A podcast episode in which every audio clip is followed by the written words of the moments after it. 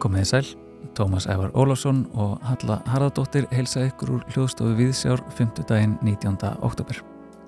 Það er bandaríska tónlistakonan Carla Bley sem fylgir okkur úr hlaði en hún fjall frá í byrjun vikunar 87 árað aldri. Carla Bley hó ferilsinn á sjönda áratögnum og var áberandi piano- og orgaleikari í frjálsu jazzreifingunni en áttu síðan miklu fylgjaðafagna sem jazz tónskáld. Karla Blei mun fylgja okkur eitthvað áfram í gegnum þátt dagsins. En í þætti dagsins heyrum við af nostalgíu, nýjútkominni bók og síningu sem fjallar meðal annars um myrkrið og ljósið. Ég get ekki hægt að hugsa um Ríðtöfundarsamband Íslands. Er ný ljóðabók og skrif blokk eftir Daniel Danielsson, verðandi Ríðtöfund. Bókin er postmodernísk í eðli sínu og augrar viðteknum hugmyndum okkar um ljóðabókina. Daniel gikir í heimsókn og útskýrir þennan gjörning. Listin er göldrótt, segir Sara Björsdóttir sem sínur um þessa mundir nýverk í grafíksalunum við Tryggvagötu. Kvísl undirdjúpsins, myrkur heiður til ljósins, kallast síningin sem er að ykkur leiti vittnisspörður um tilfinningalegt ferðalag listakonunar sjálfrar. Við lítum inn í sal íslenskrar grafíkur í þætti dagsins. Og við fáum annan pistil Snorra Raps Hallssonar af fjórum þar sem hann veldi fyrir sér nostalgíu. Í þetta skiptið flakkar hann um heiminn og skoðar hugtök úr mismunandi tungumálum sem hafa samskonar merkingu og orðið nostalgja. En við hefjum þáttinn í leikúsinu. Eva Haldóra Guðmundsdóttir fór að sjá Strók sem frumsýnt varum síðustu helgi í Tjarnarbíói. Mannsheilin er magnað fyrirbæri en það hefur gífurleg eftirmál fyrir einstaklinga ef hann verður fyrir njaski eða áfalli. Til þess að virka rétt innan gæsalappa þarf heilin stöðugt flæði súrefnis og glúkósa en það flæði rýrnar gífurlega þegar fólk fær heilaslag. Skert málgeta, lömun og sjónskerðing eru dæmi um afleðingar heilablóðfalls. Skinnfæri okkar og tjáning eru það sem við notum til að tengjast öðrum. Því getur einangrun og einmannalegi fyllt skertri getu vegna þess að þeim tólum fækkar sem við höfum til að tjá okkur á hefbundin hátt. Síðastlegin femtudag var verkið Strók frumsynd í Tjarnarbíói. Strók segir frá lífi og starfi Virginíu Gillard sem vann árum saman sem trúður á sjúkrahúsum í Skotlandi. Hún er leikona sem fann sig í hlutverki trúðsins Cookie og vann við það að gleðja fólk sem tókst á við erfið veikindi og áföll. Í dag segir hún hins vegar frá nýjum raunveruleika. Hún fekk sjálf heilablóðfall og lífennar umturnaðist. Virginia í hlutverki Cookie og einmaður Virginíu, Sæmundur Andrisson í hlutverki trúðsins It segja frá hvernig hennar daglega líf fór að snúast um að endurheimta fyrri getu líkt og að tala, kingja og reyfa sig. Það sem henni þótti áður sjálfsæðir hlutir reyndast nú vera ansi strempnir. Í áskorununum nýtt hún húmor og kymni til að lifa af í þessum nýjur önveruleika sínum. Þegar gengið er inn í salin tekur á móti manni hlíleg og húmorisk leikmynd Brynju Björstóttur. Böynapóki með heilaminstri verður skýr táknmynd heilans og vekur bleikt, loðið ringlega teppi á miðjusviðinu huruningatengsl við trúðateknina. Til hliðar á sviðinu er komið fyrir bleikum renningum með kögri á endunum. Þeim er raðað með jöfnum millibili og þeir bylgjast í sama munstur og fellingarnar eða gárur heilans. Kögrið á endum renningana vísar í taugaanda eða brautirnar sem taugabóðin ferðast í gegnum jafnframt því að vísa í leikushefðina. Brynja sér einnig um búningaverksins og er kjóllvirkiníu kongablár og einstaklega tígulegur. Eginmaður Virginíu er klættur í jakkafött og vinnuvesti sem ítur undir hlutverk hans sem aðstofamanns Virginíu í sveisetningunni. Brynja er gætt þeim eiginleika að geta hlaðið sviðið tákmyndum og tilfinningu án þess að þurfa nota til þess íburð eða flækja hlutina. Leikmynd hennar og búningar í strók verðast í fyrstu einföld en fljótlega áttar með sig á að allt er marglega og tróðfyllt af tilvísunum sem næst fram með litanótkun og mismunandi áferð. Jóhann Fredriksson ljósahönnur grýpur vel utanum fagurfræði verksins og gefur verkinu ævintýrarlegan blæ. Tónlist og hljóðheimur tónskáldsins Yngibjargar Írar Skarpjæðinsdóttur er eins og fagurfræðin, einföld en gullfalleg. Tilfinningaríkir tónar sem minna á plokk í spilatós og rocklög til að magna innkomu kúki búa til skemmtilegt andrumsloft. Strók er eftir Virginíu Gillard og sviðslista hópin Trigger Warning. Þó svo að efni síningarinnar sé þungt þá er það virkilega fyndið. Þau nota trúðin kúki til að segja sögu Virginíu. Verkinu er skipt í vörður eða kabla þar sem trúðurinn er í núinu, spinnur og færa blómstra. Senur verksins eru samansettar úr hljóðklippum og myndbrótum úr lífi Virginíu, útskýringamindböndum um heilastarsemi og senur þar sem Kóki framkvæmur dagleg verk sem Virginíu tekst ávið í endurhæfingu eftir heilablóðfallið. Virginíu Gillard og Sæmundur Andrisson hafa einstaklega gefandi sviðsframkomu. Sæmundur notar trúðin eitt til þess að sína okkur áhörfundum hvernig bandamaður lítur út. Hann fylgir kúki og stiður hanna í gjörðum hennar en reynir ekki að lagana. Hann verður því fullkomið fordæmi fyrir okkur. Í hljóðbrotum segir Sæmundur frá áfallinu. Hann reynir ekki að dramatísera það, heldur gefur okkur tækifæri til að melda veruleika þeirra eins og hann er. Hann sínir okkur hvernig hann horfir upp á konu sína neyðast til að fara í endurhæfingu til að passa inn í kerfi sem hún er útilókuð úr vegna líkamlegar stöðu sinnar. En eitt er að endurforrita kerfið. Hann sínir okkur að við þurfum ekki að laga fólkið okkar sem passar ekki inn í strangar kröfur samfélagsins, heldur getur við verið styðjandi afl til að laga aðstæðunar fyrir þau. Virginia í hlutverki Cookie er bráðfyndin. Hún nær að nota húmor handan tungumálsins með svipriðum, tónfalli og viðbröðum, kýtla hláturtöðarnar listilega. Hún nær einnig tengingu við hjartarætur áhóranda. Ekki aðeins með magnaðri sögusinni heldur einnig með djúbri leiktjáningu og sterkri vinnu með tragikómík. Það er Andrea Elín Viljámsdóttir og Kara Hergils sjá um leikstjórn og dramatúrkíu verksins saman. Er nota hlutverktrúðsins til þess að segja söguvirkiníu á magnaðan máta.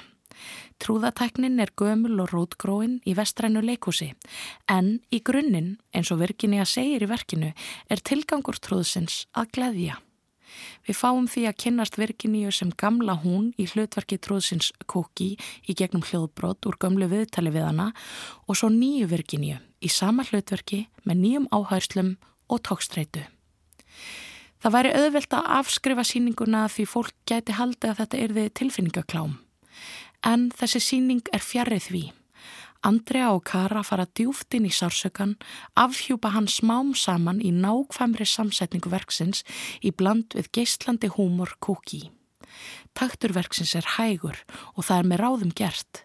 Við fáum að dvelja í óþægendunum með kúki sem reynir að framkvæma leiðikjarnar endurtekningar virkiníu með einstakri næmni gagvart efniviðnum, valdi á tekninni og virðingu fyrir manneskunni ná þær Andrea og Kara að gefa verkinu fítónskraft og nota söguverkinu til að afhjúpa takmörk samfélagsins.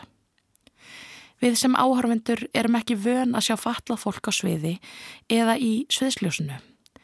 Líf fatlað fólks er falið en í strók er lífverkiníu sett í sviðsljósið. Verkið bendur okkur á að við sem aðstandendur þurfum ekki að laga fólkið okkar heldur aðstæðunar. Fólk sem hefur lendi áföllum og endurhafingu þarf ekki á að halda að við gerum hlutina fyrir þau heldur að við liðkum til svo þau geti verið sjálfstæð. Ég gekk hrærð út af síningunni. Sagaverkiníu er mögnuð og við fyrstu sín gæti maður haldið að hún væri að nota söguna, leikúsmiðlinn og trúðatæknina til að heila sjálfa sig og komast í tengingu við leikonuna í sér aftur. En ég uppliði sterkar að hún væri að heila okkur. Hún stýgur á svið í öllum sínum styrk, grýpur utanum hjartað á áhörvendum, brítur niður þá múra sem hefðbundin tjáningartækni leikúsins hefur stutt sér við og fer nýja leið að miðlun frásagnar. Hún er að heila leikhúsið af þeim fordómum og takmörkunum sem við hefum sett því í gegnum aldirnar.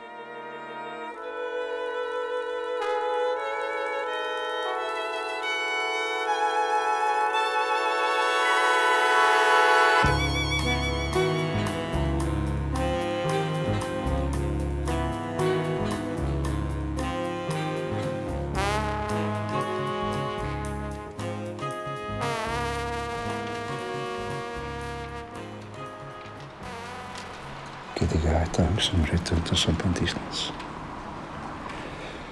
Ég get ekki hægt að hugsa um það. Ég get ekki hægt að hugsa um lífdöða plánutum. Ég get ekki hægt að hugsa um að fá yngöngu í Rítvöndarsamband Íslands. Ég get ekki hægt að hugsa um að fá yngöngu í Rítvöndarsamband Íslands. Ingöngu í Rítvöndarsamband Íslands. Ég get ekki hægt að hugsa um það. Ég get ekki hægt að hugsa um það eins og Ég svona. get ekki hægt að hugsa um það. Nú á dögunum kom út bók það var sérstök bók sem mætti jafnvel flokka sem postmoderníska bókmynd hún nefnist Ég get ekki hægt að hugsa um Rítöfundarsamband Íslands og er 142 blaðsur og nánast jafn mörg orð. Hvert orð fær sitt vægi og rými.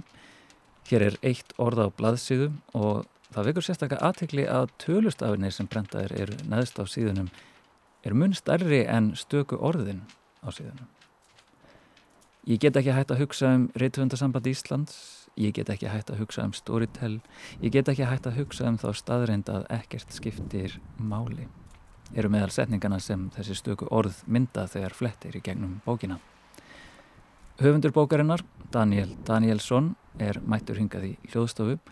Innilega velkomin í Víðsjá, Daniel. Já, takk. Og hvers vegna getur þú ekki hægt að hugsa um Rítvöndarsamband Íslands?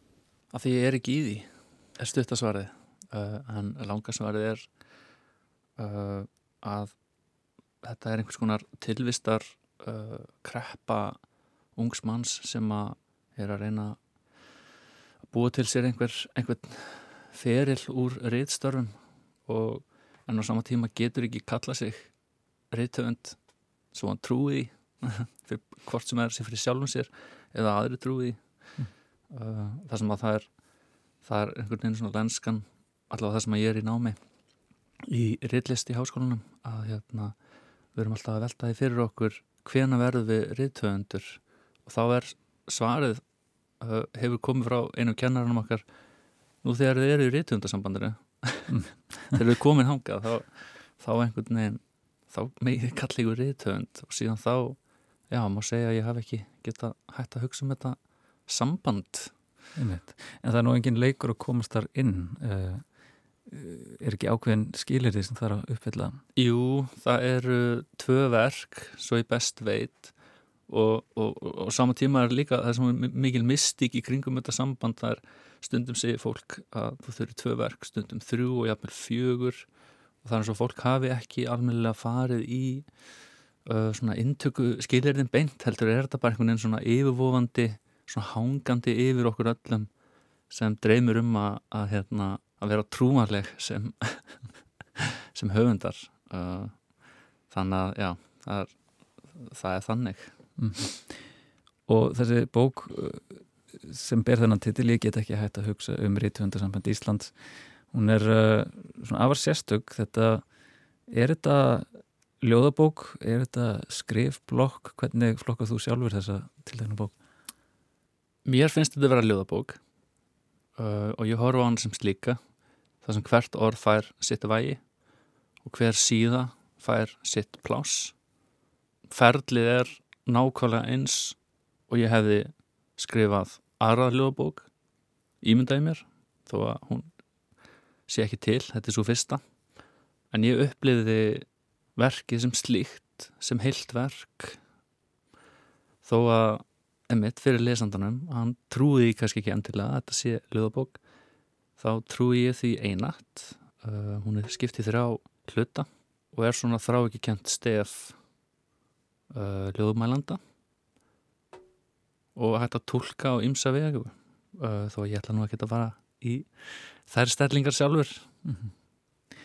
En ég tók eftir því að þetta er eitt orða blaðsu, cirka bát, það er ekki algild regla, en uh, það er hérna bref til reythöfundarins í, uh, í upphæðu bókar og ég man eftir þessu orði skrifblokk svona í við útgáðu þessar bókar. Ertu, ertu að hvetja fólk til þess að skrifa sjálft inn í þessa bók síðan í framhaldinu? Já, ég sem höfundur gef skýrt leifi til að fólk megi nota hana hvernig sem þið vilja uh, hvað sem að sé að, að njóta hennar sem ljóðbókar eða hérna króti hana eins og ég orða og krót er uh, hægt að tólka á ymsa vegu, krót getur verið litlir spýtugallar það geta verið heilir ljóðabolkar. Þannig að fólk getur gengið þetta verk og, og noti þess á mjög svona fjölbreytta vegu. Og ég verð ekki sár og, og í rauninni eru mjög margir farnir að króti hana svona úr svona mínu nánasta ring og fann að senda mig myndir af krótinu sínu, mjög stolt af sínum verkum í ljóðabókinu minni og, og þá er í rauninni tilgangunum ná finnst mér að, að, hérna, að hvetja fólk til þess að gera sitt eigið á sama tíma að njóta þess sem einhver annar hefur gert sem að, jú, þetta er eitt orðablasið en, en segir ákvæmna sögu, Mhm. finnst mér um, þetta eru svona klefanir ég get ekki hægt að hugsa um ég get ekki hægt að hugsa um það er eitt hundarsambandið auðvitað sem að kannski endur tekið aðeins en, en líftöðu plánutunar stóð aðeins út fyrir mér þegar ég las mig í gegn og, og þetta eru svolítið skrýtnir pólar til, til að tefla saman reytuhundarsamband Íslands og líftöðu plánutunar hefur miklar ágjur af líftöðu plánutunar klálega uh, og við ættum að gera það all alla daga, alla mótna, ættum við ekki að hugsa um neitt annað en á sama tíma viljum við það ekki. Mhm. og ég skilja það 100% en það er bara þannig að sérstaklega núna þegar maður er orðin fæðir að að það er það, maður áttar, maður fyrir að forgangsra hlutunum öðru sem og, og maður velli líka fyrir sig þegar maður er orðin 30 pluss hvað er maður búin að vera að gera? Og er maður búin að vera sofandi, er maður búin að vera vakandi er maður búin að vera að gera það sem maður átt að gera eða eru við all bara að gera eitthvað? Og hvað er þetta eitthvað? Við brotið það niður og, og, og pælt í því. Og, og gert eitthvað öðruðsi sem að geti skila sér til barna, barna, barna, barna, barna, barna og þar fram eftir göttuna en þetta er eitt af því sem ég get ekki hægt að hugsa um uh, á samt ymsi öðru. En líftöði plánutunar er kannski svolítið stórtækt í sjálfu sér það væri hægt að segja endalok mannkins en ég vil ekki tak, ég vil taka mannin út fyrir svega í þessu samingi og hugsa um plánutuna sem eina lífur hana held sem hún er. Uh, ég meina ég get ekki hver er þessi ég? Uh, hver þykist ég vera að vera ég? Hugsa maður líka. Og þetta er í einhverju skilningi mjög sjálfkvert verk en svona með lífdöða plánutunar þá kannski er þetta vikið aðeins út fyrir jegið Ég get ekki hægt að hugsa um Rómarveldi. Ég get ekki hægt að hugsa um Normandíströnd. Ég get ekki hægt að hugsa um pissuskólan þú sjálf. Get ekki hægt að hugsa um rítöndarsambandi. Ég get ekki hægt að hugsa um Storytel. Get ekki hægt að hugsa um það. Ég get ekki hægt að hugsa um Ég get ekki hægt Ég get hægt að hugsa um það. Það er svo margt annað. Finnst þér einhvers konar tilgangsleysi svona s- sökkva inn í þessu, þessari hugsun til dæmis uh, og kannski varandi reillistina sem slíka? Já þetta er einhvern veginn einhvers konar tilgangslust haf sem maður svamlar um í uh, í sköpuninni að mörgur leiti og í tilverunni. Og, maður, og, og, og hvort sá staður sem maður er á hvort hann sé fysisku staður það sem ég sit núna eða bara í, í kosmosnum. Hvort að hann sé hvort hann skipti einhver máli í rauninni sko. Og og það er ekkert svar beint við því, því miður. Og ég ætla nú ekki að fara að krifja hérna, tilgang lífsins uh, hérna í útastúsinu en þetta fylgir manni í, uh, í allar frumur út í daginn þessi spurning og hefur fylgt mér eiginlega allt og lengi frá barnæsku maður hefur upplifað nokkra heimsenda yfir æfina, hvort sem þau séu persónlegir eða samfélagslegir eða, eða í ysta minginu en samt einhvern veginn vakna maður allar mótna og, og þá veltir maður fyrir sér hvort að maður eigi bara yfir höfuð að vera að hugsa út í þetta. En finnst þið bókmyndinar uh, veit einhvers konar tilgang inn í þetta mengi? Já.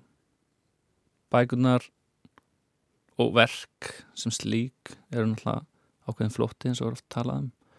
Og talað um stað þá gleymar stað og stund. Ég getur verið stattur í strætó eða í flugvel eða bara í bústað.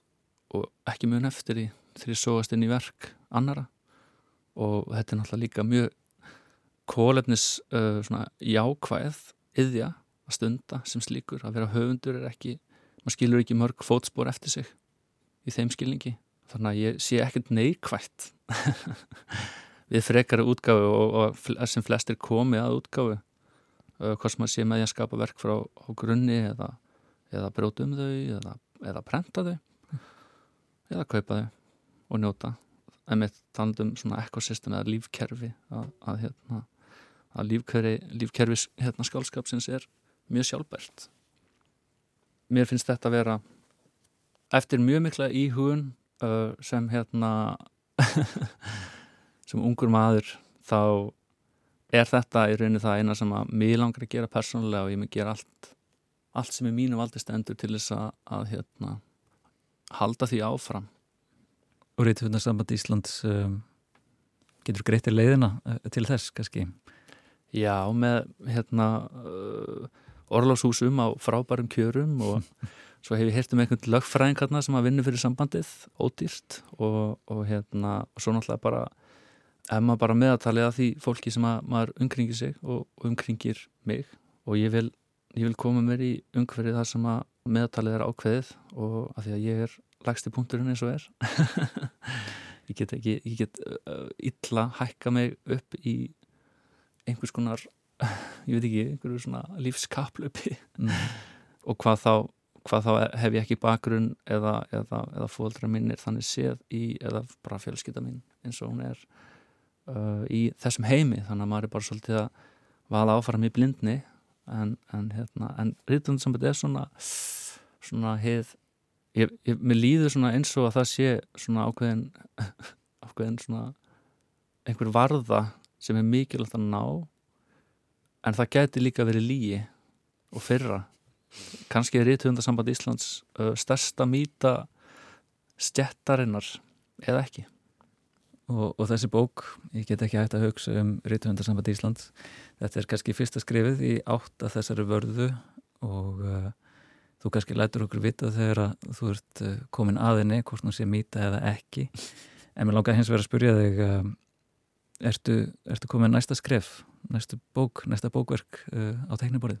Já, það er ég get ekki hægt að hugsa um reytundarsambandið skrifblokk 2 uh, þar sem að, einmitt, það vantar reytundarsambandið þar tvö verk frá höfundi til þess að geta raukstutt það að samþykja mig og svo bók kemur út á næsta ári gerir áferir í sömu stærð og, og hérna það sem ég mun taka innihald eða útlitt kápunar og setja það inn í bókina og taka innihaldið og setja það út á kápuna þannig að það verður svona innkvert, útkvert tekja binda ljóðverk mm.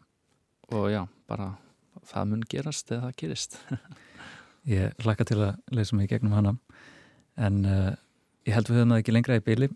Daniel Danielsson, takk hjá fyrir spjalli. Takk hjá. Ég get ekki hægt að hugsa um Normandiströndina. Ég get ekki hægt að hugsa um að fá yngu í rítuvendarsambandi. Ég get ekki hægt að hugsa um glundróðanabakki. Ég get ekki hægt að hugsa um rítuvendarsambandi Íslands. Ég get ekki hægt að hugsa um... Ég get ekki hægt að hugsa um rítuvendarsambandi. Ég get ekki hægt að hugsa um það eins og svo margt annað. Ég get ekki hægt að hugsa um rítuvendarsambandi. Ég get ekki hægt að hugsa um að fá yngu í rítuvendarsambandi Íslands. Ég get ekki hægt að hugsa um það. Tómas rætti hér við Daniel Danielsson um nýjútkomna bók hans Ég get ekki hægt að hugsa um Rittvöndasamband Íslands. Og úr þeim hugleðingum höldum við inn í nostalgíuna með Snorra Rafni Hallsinni.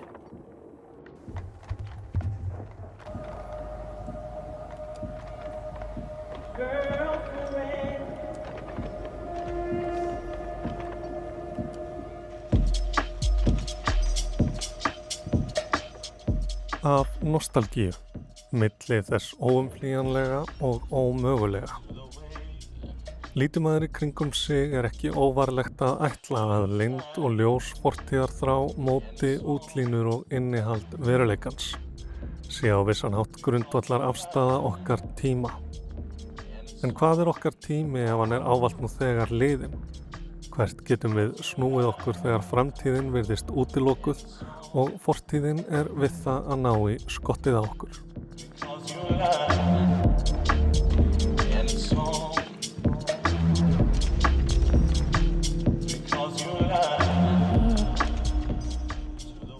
Það sem nefnt er nostalgía, það reynist eins þótt öðru nafni kallist. Og þó, veltum nafninu eða nöfnunum örlítið fyrir okkur. Hér síðast rækti uppruna orðsins nostalgía til svisneska læknisins Jóhannes Hofer sem meðhundlaði sjúka málaliða á 17. öld en þeir dvöldust oft langtímum saman fjarrri fjallaloftinu heimafyrir. Hófer setti hugtakið saman úr tveimur grískum stopnum, Nostos, heimkoma, Algos, lungun, sorsöki, sorg og það gerðan til að nefna þá veiki sem engendist fyrst og fremst af sjúklegri heimþrá, svo sjúklegri að hún olli líkamlegum kvillum. Það má slengja því fram að orðið sjálft, nostalgía, sé nostalgist, aftur kvarf til þess tíma þegar vakka vestrætnar menningar var við miðjarðarhafið sem þá hétt raunar bara hafið, því það var það eina haf sem grykkir og gýðingar þekktu þá. Ég veit ekki hvers vegna Hófer þótti þið þíska hæmve, bókstaflega heim og harmur, sársöki, ekki brúklegt á sínum tíma. Kanski vildi hann ljá uppgötun sinni virðulegri blæ, draga fram að hér var ekki bara um svissneska veiki að ræða, heldur eitthvað annað og meira, almennara og algildara. Nostalgía var gagsara en hæmve. Merking þess hefði verið öllum lærðum mönnum ljós á augabræði, aug þess sem algós hefur það fram yfir ve að tákna ekki bara sársökan, heldur líka þrána. Það er ju ekki bara fjarlæðin sem kallar fram þessa veilu ef veilu skildi kalla, heldur þungi minningana sem brjótast fram og krefjast þess að verða meira en bara leifar af fortíð. Það er þrá að verða aftur að veruleika og sá verður nostalgískur sem samsinnir þeim.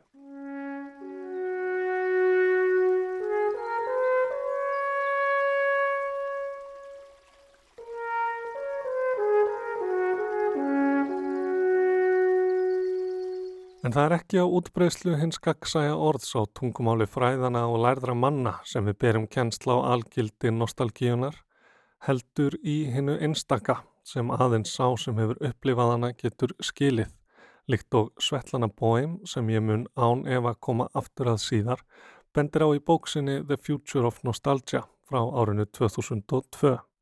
Á meðan hitt þíska heimve, hinn franska Maladie Dupay og hinn sænska Mal de Corazon er orðin hluti af Esperanto í nostalgíunar hófu nýframkomnar þjóðir að halda menningarlegri sérstöðu sinni ákveðið fram.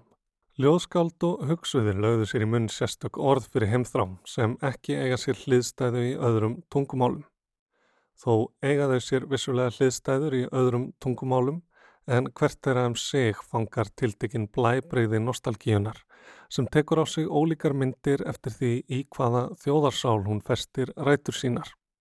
Hvaða hlutverki svo þjóðarsál á að þjóna, hvað hún hefur gengið í gegnum, hvert hún ætlar sér og að hverju þessi þrá beinist.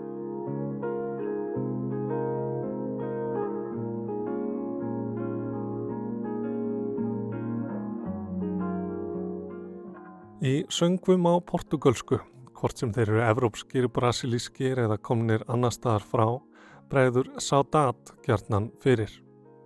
Í viðkvæmri og romantískri sál portugalskunar merkir hefð galísíska orð dreyið af latnesku fyrir enveru melankóliska löngun eftir einhverju sem örugt er að gerist ekki aftur. Portugalski rítöfundurinn Manuel de Melo sæði sátat ánægju sem þjakar þig, kvilla sem þú nýtur. Sátat er óljós og stöðug þrá eftir því sem er og verður fjárverandi. Ekki bara heimalandið þegar þú ert ekki þar, heldur hverju því sem er fjárverandi, því sem þú hefur mist, því sem myndi gera þig heilan á ný, binda endi á einsemdina. Það sem greinir sá dat frá nostalgíu eða varpar öllu heldur ljósi á mikilvægan hluta hennar er að sá dat getur beinst að einhverju sem kannski aldrei átti sér stað. Vísar því ekki bara til minninga og fortíðar, heldur sækir líka efni við sinn í ímyndanaraflið og það sem aldrei varð. Sá dat getur líka beinst að því sem þú hefur nú þegar, þeim sem þú ert með núna, en myndað einhverju leiti glata þegar framlýða stundir. Upprópunin K.S.A. Dat gefur svo til kynna almenna þrá og löngun.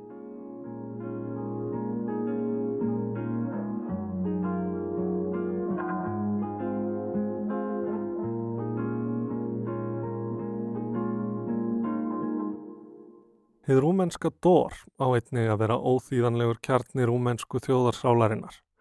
Orðið við þann nýstandi sásöka sem fylgir því að tilheyra og þrá í senn. Söknuður í einfaldri merkingu en einnig samþætting, löngunar og borinar vonar. Í bókinu um hlátur og glimsku markar Milan Kundera mæri tekniskunar gagvartinu algilda með hennu skarpa en óþýðanlega lítost sem varpar skugga nostalgíunar á sjálfið. Lítost er þjáningin sem skindileg insýn í manns eigið emdarlega sjálf veldur. Ángistinn yfir eigin vansælt kallar fram eftirsjá, sorg, óskýranlega löngun, jafnvel hendarhug. Muniði eftir mönnunum við bakka Babilóns fljóts. Babilóns dóttir þú sem tortímir, heil þeim sem geldur þér það sem þú gerðir oss. Er engin von til staðar, tilfinningin jafn endalus og opið dragspill, segir Kundera. Fyrsta atkvæðið með sinni lungu áherslu eins og veginn yfirgefins rakka.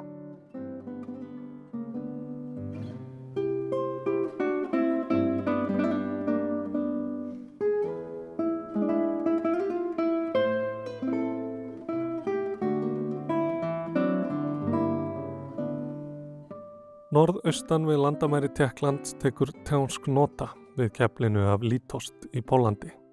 Minni reyði meiri ángurværð. Lungun, djúbstæð, þrá, nostalgía. Já, við sjáum það þegar við flettum upp í pólskri orðabók. En Eva Hoffmann fætt Eva Virta í Kraká en alin upp á jæðri millistjættarinnar í bandaríkunum segir okkur meira um þessa tilfinningu. Á skipi við höfni í Pólandi er hún við það að yfirgefa heimalandið fyrir Ameríku. Þegar lúðrasveitin á landi hefur að leika kvikan maðurka takt þjóðsöngsins stingur mig ungleg sorg, svo öflug að ég hætti skindilega að gráta og reyni að stilla mig akkvart sorsuganum. Ég þrái örvendingu að stöðva tíman, að kyrrsetja skipið með viljastyrknum. Ég er að upplega mitt fyrsta alvarlega nostalgíukast tennsk nota, orð sem bætir við nostalgíu, tónum daburleika og löngunar. Þetta er tilfinning hvers litróf ég er dæm til að þekkja vel, en á þessu svífandi augnabliki kemur hún yfir mig eins og heimsókn frá klæníu landslægi tilfinninga. Tilkynningum það hver fjárvera getur verið sár eða fyrirbóði fjárverunar. Því á þessum skilum fyllist ég af því sem ég er við það að missa.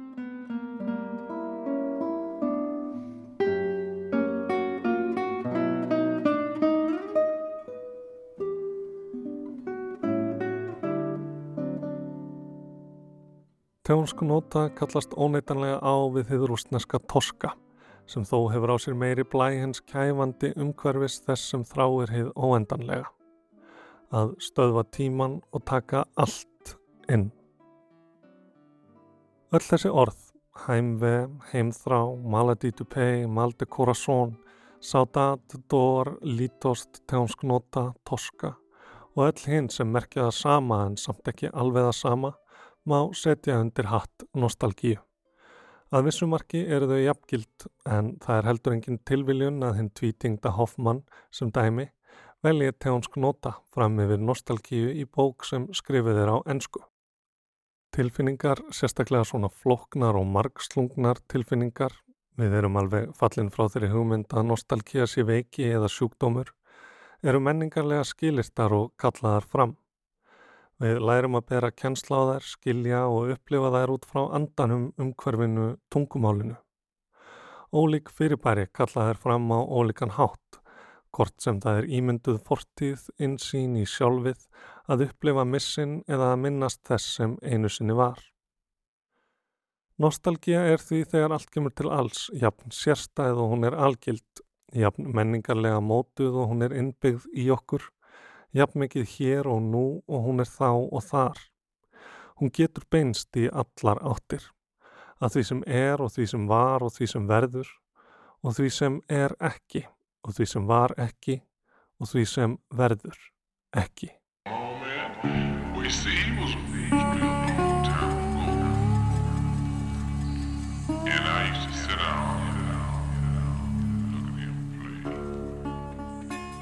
Heimve, heimþrá, maladie du paix, mal de corazón, sosat, dor, lítost, tesknota og toska.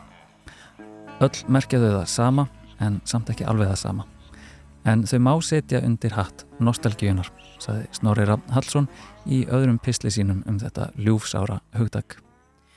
En úr nostalgínu höldum við niður á Tryggvagutu þar sem að Sara Björstóttir síni ný verk á síningu sem að kallast Kvísl undirdjúpsins, Myrkur heiður til ljósins.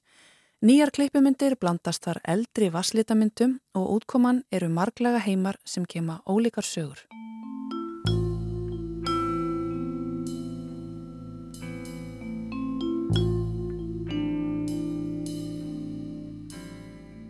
Já, ég gerði þessi vasslitaverk 2014, 15 og 16 og þetta var bara svona tímabili mín lífið sem að ég greinilega hafði bara þörf fyrir þess alla þessa bláu liti.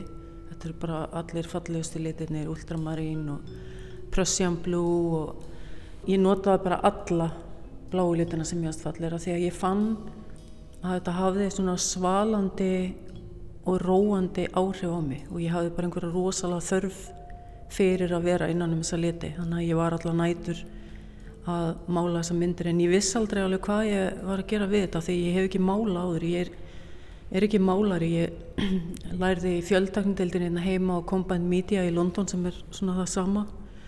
En það náttúrulega verður líka til þess að maður er algjörlega ófeimin við að nota hvaða miðl sem er og ég vinn ekkert í einhvern eitt miðl, ég vinn bara í allt sem að ég finna að hendar verkunum eða mig langar til að gera. Svo 2015 flyttið til London og var þar til 2020 og þá fer ég einhvern veginn að vinna með klippimyndir út frá textaverkonum sem ég er búin að vera að gera síðan 2010-11, ég man ekki alveg og þá allt í einu sé ég sko hvernig klippimyndirnar með þessu sko fólki sem flýtur og sekkur og er að stinga sér í vatn og svona hvernig allt í einu komu vasslitamindirnar voru að komna á réttan stað og þarna hittast tveir tímar tími þar sem að ég er í þungum þöngum og tími þar sem að ég er algjörlega bara einhvern veginn að vinna mig út úr því í Stórborg en ég er einn og ég er svona mikið einn ég á náttúrulega þarna og svona en ég var mikið einn og fólk hefur einmitt alveg sagt að sko að það sjáu þessa einveru í myndunum eða þennan einmannalega en ég hugsa að blái liturinn hafi kannski líka þessi áhrif á mann.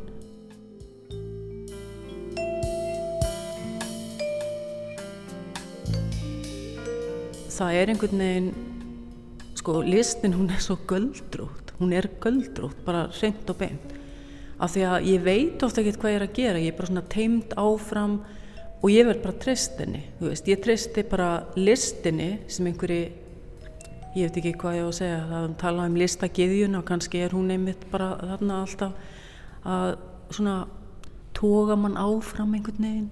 Mm -hmm. og ég tristi bara á innsæðið fyrir mér er myndlist alveg rosalega andleg vinna og ég er mikið einn bara á vinnustofunni og mér fannst bara frábært þegar ég sá til dæmis þessar tvær verur hérna vastleta myndin var til og svo sett ég þær ofan á mm -hmm. og ég bara heyrði bara eitthvað svona ding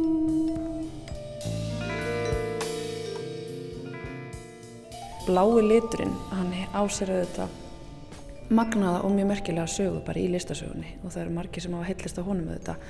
Hvað er það við hennan bláa lit, Sara? Ég veit það ekki alveg. Það er náttúrulega sko, þegar ég er búin að setja síningunu upp, þá fyrst sé ég hvað hún er blá. og af því ég háði aldrei séð verkin svona einhvern veginn hengdu upp, þetta var bara á vinnustofunni og það er náttúrulega það sem að fólk segir þegar það kemur inn inn, vá, það er bara, maður bara lappar inn í einan rosalega bláma og fólk er náttúrulega ekki vant því ef það fer á síningar og þá er náttúrulega, þú veist, ef það eru litur og þá er það ekki einhver eitt litur. En ég veit ekki, ég pælt svolítið í þessu, einmitt þetta að það hafa myndlistamenn farið gegnum blátímabil eins og bara svo þekktast kannski Picasso. Og ég er náttúrulega ekki að líka mér við hann en sko heiminin er náttúrulega ekki alltaf blár en ég hafið. Þau bera lit hvort af öðru en fjöllin eru blá og við sjáum þau hérna mjög vel þú veist eins og sko ég fer til Noregs þá sér maður ekki neitt að þeir eru trí allstaða fyrir og já eins og ég sagði hann er svalandi og hann výbrar kannski bara, eh, þú veist að því að litir hafa eitthvað svona einhverja výbrasjónur, hann výbrar kannski einhverju sem að lætra okkur líða vel. Því að það hafa mjög margir sagt sem hafa komið inn inn að, þeim líði vel innan um verkin og innan um innan lit. Þetta eru mjög persónleg verk og í raun sjálfsæfisöguleg. Já, þau eru það og mér fannst rosalega erfitt þegar ég var að byrja að gera þau sko þegar klippimyndirna fara að koma yfir og ég hafnaði þeim algjörlega og þá er ég sko bara á mjög erfitt. Andlega, er þunglind, er óbúslega kvíðinn, skammaðis mér fyrir að vildi ekki vera að láta það koma einhvern veginn fram í listinni. En þá, þú veist, þegar ég bara sko, stóð á vinnustofun og horfði á verkin sem voru komin og ég alveg, já, já, einmitt, nei, ég, ekki, er ekki að fara að gera þetta. Svo held þetta bara áfram og, og ég hugsaði ég ræði ekkert við þetta. Það er ekkert ég sem er að stjórna þessu. En ég bara ok, stegum upp ég gefst upp, bara let it come og það byrjaði bara að flæða og ég var að skipta um vinnustofu því hún var of lítil bara ef ég snýri mig við þá ra rak ég mig alltaf utan í einhver verk sem að voru svona, þú veist, ég var ekki búin að líma niður og Þannig að ég fekk mér starri vinnustofu og ég held á tímubili að já, já, þú ert bara, þetta er bara flóktið sko, alltaf eitthvað vesen, er aldrei neitt nú gott að þú ert alltaf að reyna, þurfu ekki að vera einhvern veginn að gera sem þú vilt samt gera. En það var algjörlega rétt ákvörðin að stakka vinnustofuna því að þarna fekk ég bara, þú veist, alla þessa fleti sem ég þurfti þess að svona breyða úr öllum klippimyndunum og textaverkunum og varsleitunum og bara skoða þetta og ég lokaði mig bara inn á vinnustofunni sko mánuðum saman. En ég þurfti alveg að hafa hugur ekki til þess að viðkjanna það að ég er ekki alltaf sterk og maður getur bókna og átt erfitt og, og ég hugsaði bara þegar að ég vissi um hvað síningin yrði og hvernig hún leit út að þá var mér alveg hugsa bara til allra sem að líðu svona og hafa gengið í gegnum þetta. Og af hverju ekki bara að ég veit ekki hvernig ég orða ekki beint stiðja við, heldur bara svona viðukenna veist, þetta er bara svona það er svo mikið stigma í kringum svona andlega vanlegan finnst mér þó að sé náttúrulega miklu miklu sko þetta sé orðið miklu ofinbyrra en það var en mér fannst mér á einhvern nátt byrja að skilda til þess að tala um það að segja að mér hafi liðið illa. Sem krefstu þetta mikils hugrekkis en það er svo áhugavert með það sem þú talaður um áðansara, þessi evi, þessi sjálfsevi, þrátt fyrir að þetta sé svona fossa út úr þér, þessar myndir og þú stakkar vinnstofuna þá samt er þetta ekki nóg gott? Nei, vá, þessi evi sko, hann er alveg bara, ég finn alltaf þessar evasemdir með myndlistina og, og bara sjálfa mig sem myndlistakonu og, og ég þarf hugur ekki af því að ég er í mig trættið að maður er að ofinbera sjálfan sig og ég ofinbera mér náttúrulega mjög mikið hér af því að þetta er kannski ekki það sem að fólk hefur séð frá mér áður. Ég hef gert hérna, staðbunna vídeoinsetningar, gjörninga, vídeoverk, ljósmyndir, skuldura, hljóðverk. En svo kem ég með þessa síningu en þetta er ekkert nýtt. Vegna þess að fyrsta klippimyndin sem að ég geri er 1992 þar sem að ég er í klippimyndakurs hjá Þorvaldi Þorstensin heitnum og Þorvaldur hann var rosalega sko mikill áhrif á valdur bara í mínu lífi. Því að ég held að ef það ekki verið fyrir Þorvald og hans bara ofur trú einhvern veginn á mér sem myndlistakonu þá hefði ég kannski einhverju tímapunkti gefist upp af því að í náminu hafði ég rosalega efasemdir. En ég ger þessa klippimynd á námskeiði hjá honum sem hann var svona óbúslega hrifina að hann hlóð þegar hann sá hana og spurði hvort hann mætti eigða hana. Og ég náttúrulega bara rosa virðingu fyrir honum og hikaði og held fyrst að hann var að gera grína mér. Og þegar hann sá ég hikaði þá held hann að hann væri kannski dónalur þannig að hann bauð mér að koma heim til sín og um kvöldi og velja mér verk í staðin þannig að við myndum skipta sem ég gerði. Og hérna skólabróði minn Úlfur sagði þegar Þorvaldur fór í kaffi ég ætla að koma með þér svo fóru við saman um kvöldi og ég fekk að velja bara úr stórum kassa af verkum alveg æðislegt verk en ég hugsaði að veri þetta sem að var til þess að ég hef aldrei skilið klippmyndin eftir.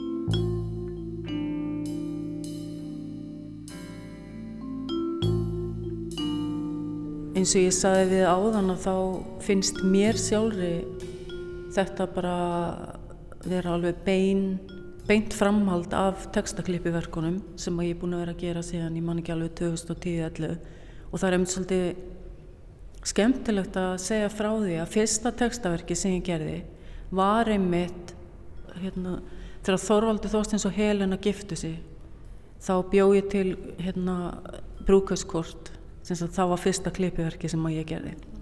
Þá fann ég bara eitthvað af því að ég tala mikið og ég er alltaf að segja sögur og í þessum textaverkum er mjög mikið að sögum. Og sömulegis bara í klippimyndunum líka hvert eitt og einasta verk er saga er marglaga saga.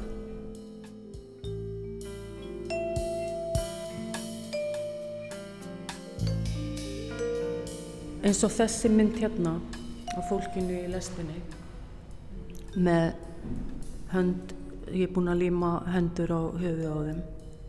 Þegar ég sá þessa mynd þau eru aðna í lest það er annarkort ryggning úti eða móða á rúðuninni þau eru öll með lókuð augun og maðurinn sem er fremstur hann heldur hendinni svona í hugleislistöðu og ég horfði á þessa mynd og ég vissi nákvæmlega hvernig þeim leið. Þau vildu bara hverfa hávaðanum, hverfu úr mannfjöldanum fá frið.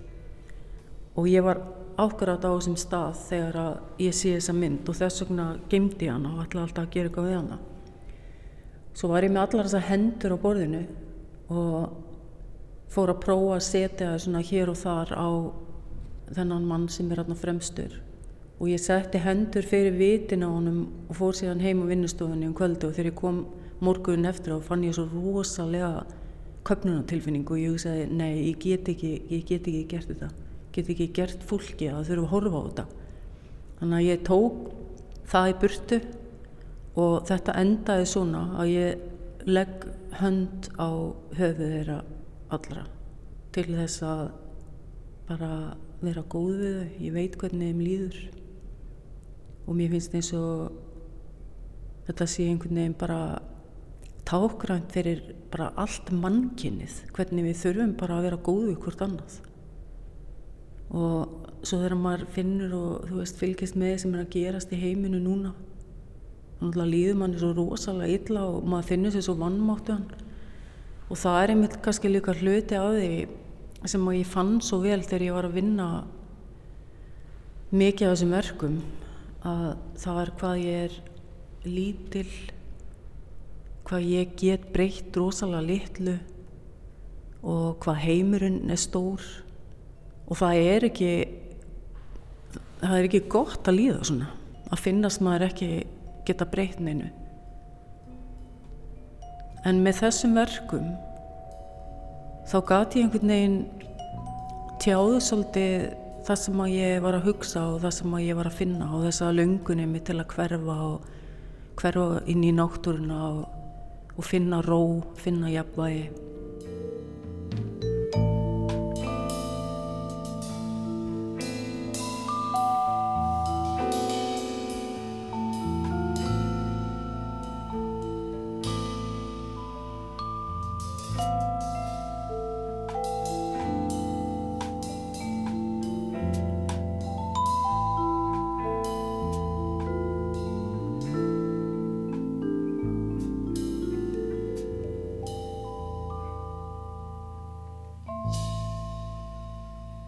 Halla rætti við Söru Björstóttur sem sínir um þessar myndir í sal íslenskar grafíkur við Tryggvakvötu.